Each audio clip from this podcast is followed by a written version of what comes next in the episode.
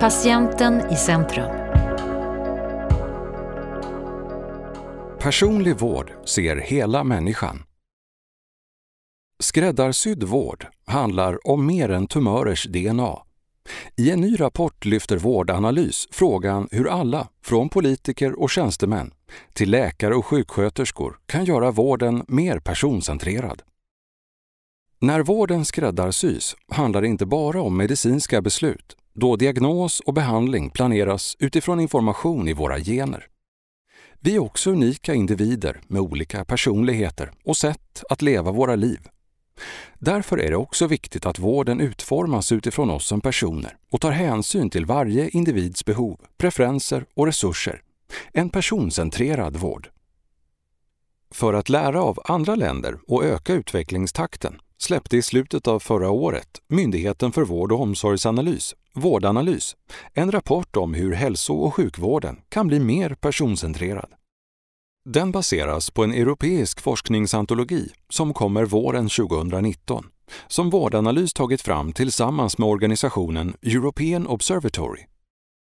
Vi vet från tidigare internationella undersökningar att svenska patienter är mindre nöjda med olika aspekter av vården som handlar om personcentrering. Särskilt samordning, tillgänglighet och delaktighet.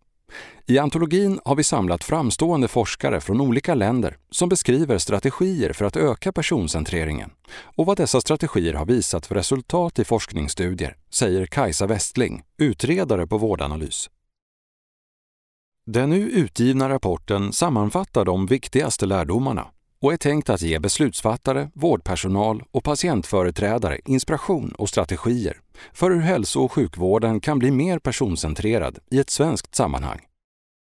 I rapporten konstaterar Vårdanalys att många av hälso och sjukvårdens verksamheter strävar efter en personcentrerad vård, men att de kommit olika långt och att det på många håll finns möjligheter till förbättring, både innan, under och efter behandling. För att skapa en verkligt personcentrerad vård krävs tre perspektivskiften enligt Vårdanalys. Att se patienten som medskapare istället för mottagare av vård. Att ha ett helhetsperspektiv på patienten istället för att fokusera på flera isolerade behov. Att välja individanpassade lösningar istället för samma lösning för alla. Det handlar om att anpassa vården efter vad som är viktigt för den enskilda individen. Vi vet från forskning att vad läkare tror att patienter vill ha för behandling kan skilja sig ganska markant från vad de faktiskt vill ha. När patienter är välinformerade väljer de i vissa fall andra metoder än läkaren trodde och ofta mindre omfattande ingrepp, säger Kajsa Westling. Forskning visar också att när läkare tillsammans med patienterna går igenom evidensen för olika behandlingar, dess fördelar och risker och tar gemensamma beslut om vilken behandlingsmetod man ska använda, känner sig patienterna nöjdare och upplever mindre ångest och oro. Patienter som är involverade i sin egen vård följer också behandlingsrekommendationer bättre. För att göra hälso och sjukvården personcentrerad vill Vårdanalys se ett systematiskt utvecklingsarbete på alla nivåer. Hittills har mycket fokus legat på vårdpersonalens möte med patienten. Det är viktigt, men det behövs också förändringar på organisationsnivå och ändrade strukturella förutsättningar. Politiker kan skapa förutsättningar för en personcentrerad vård, till exempel genom att ge resurser, efterfråga initiativ och följa upp dem. Både politiker och tjänstemän på ledningsnivå behöver hitta styrmodeller för samverkan istället för stuprör. Det behövs också kunskapsstöd, ersättningsmodeller och IT-system som stödjer personcentrerade möten, liksom samordning mellan olika verksamheter runt omkring patienten.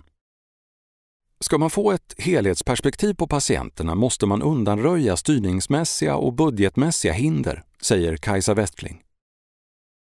Ute i verksamheterna behöver chefer och medarbetare utbildas i personcentrerade patientmöten och få testa nya arbetssätt till exempel metoder för att diskutera och dokumentera patientens preferenser och kunskap i valet av behandling. Mellan de fysiska mötena handlar det om att hitta verktyg för att kommunicera på ett sätt som passar patienten, till exempel genom digitala lösningar. Sen ser vi också att patienterna behöver involveras i utvecklingen av hälso och sjukvården på olika sätt.